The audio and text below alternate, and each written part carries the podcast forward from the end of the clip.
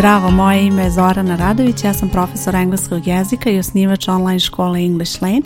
Ovo što slušaš je English Lane podcast i ovo je druga epizoda u serijalu epizoda o pripremi za razgovor za posao na engleskom jeziku. Ukoliko je ovo prva epizoda koju slušaš, ja ti predlažem da se prvo vratiš na prethodnu epizodu.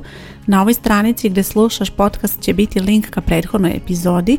U ovoj epizodi pričat ću o tome kako da opišeš svoje obrazovanje i iskustvo na engleskom jeziku i to ću uraditi tako što ću ti dati nekoliko konkretnih primjera, nekoliko rečenica koje ćeš moći da upotrebiš i da prilagodiš sebi i svojoj situaciji i uz to ću ti skrenuti pažnju na nekoliko čestih e, grešaka koje se javljaju tom prilikom kada se govori baš o obrazovanju i iskustvu. Kada je u pitanju obrazovanje koje treba da pomeneš na engleskom jeziku, ja ću ti dati nekoliko izraza i glagola koje ćeš upotrebiti u toj situaciji, ali je vrlo bitno da ti naučiš kako se kaže, to jest da istražiš, da pogledaš e, kako se kaže naziv institucije koju si ti završila. Dakle, bilo da je u pitanju srednja škola, fakultet, moraš da pogledaš kako se tačno taj pojam koristi na engleskom i kako se kaže, da bi mogla da prilagodiš ove rečenice sebi. Možeš početi ovako. I attended the University of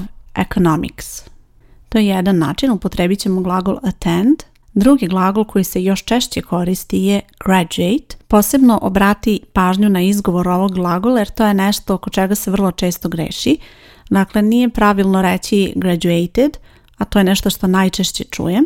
Pravilan izgovor je graduated. Cela rečenica glasi ovako – i graduated from the University of Economics. U nastavku možeš upotrebiti i frazu da kažeš kada si diplomirala, recimo 3 years ago da kažeš kada se to desilo. Ovu istu frazu, to je to dva glagola možeš upotrebiti i kada je u pitanju srednja škola, ali je vrlo bitno da naučiš kako se tačno kaže naziv te škole koju si završila i tu može doći do nekih neslaganja jer se neke stvari nisu iste kao u njihovom obrazovnom sistemu, recimo u Americi i Britaniji ili recimo ako konkurišeš za neku drugu zemlju, za neku zemlju u Europi, vrlo je bitno da vidiš koji je to ekvivalent diplome koju ti imaš, da li je to kod njih high school, da li je e, neka druga vrsta diplome. Sljedeće što još možeš reći je baš to koju vrstu diplome imaš. I have a high school diploma. To je jedna onako dosta generalna izjava. Bilo bi dobro da tu dodaš e, koja je srednja škola u pitanju. Kada je u pitanju diploma sa fakulteta, odnosno univerziteta, tada možeš reći degree. I have a degree in business administration. I ovu izjavu dalje možeš da dopuniš tako što ćeš dodati um, vrstu diplome I have a bachelor's ili master's degree in business administration i možeš također reći I hold a degree in business administration. Dakle, umjesto have možeš reći hold glagol i to su neki najčešći primjeri da opišeš šta si završila i koju diplomu imaš i na taj način ćeš početi razgovor o svom obrazovanju. Sljedeće što treba da kažeš je da opišeš svoje radno iskustvo i ovdje ću ti dati nekoliko primjera rečenica koje možeš da prilagodiš sebi i svojoj situaciji. Prva glasi ovako.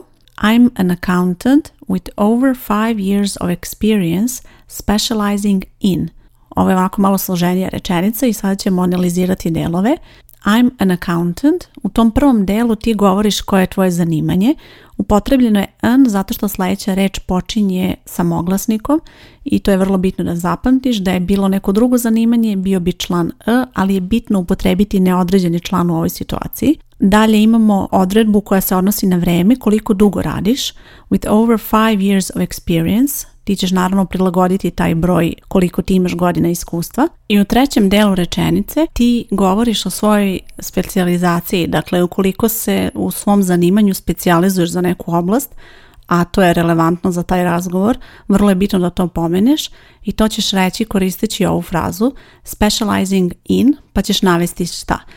Recimo ovdje može biti specializing in small size companies, in IT companies i tako dalje. Dakle, nešto što eh, posebno radiš u svojoj struci i u kojoj se specijalizuješ za neku oblast. To može biti vrlo relevantno iskustvo i nešto što će ti naravno pomoći da dobiješ taj posao, ali je vrlo bitno naravno da to eh, nađeš kako se to kaže na engleskom i da to pravilno kažeš. Još jedna rečenica.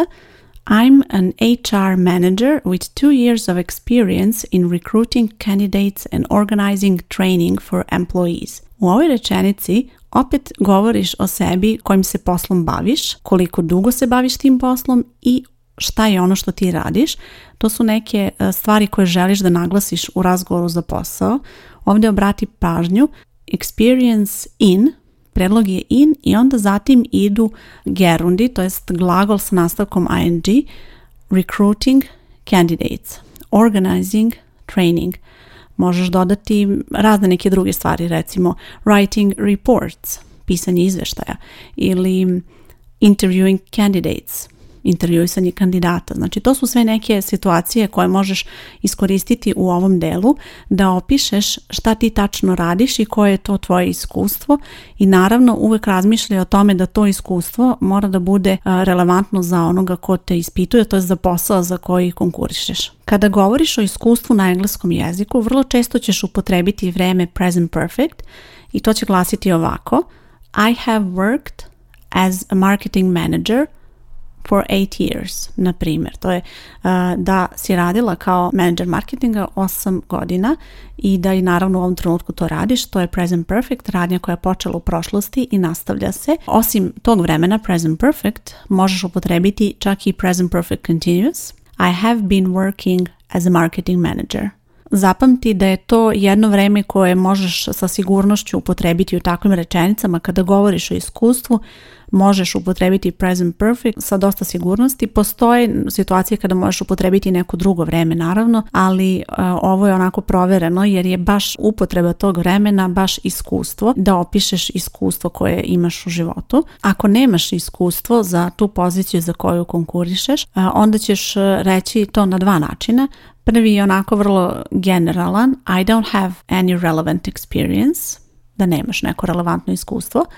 I e, drugi način koji je malo onako pozitivniji jer se fokusira na pozitivni aspekt svega toga je While I may not have enough experience, I'm a fast learner.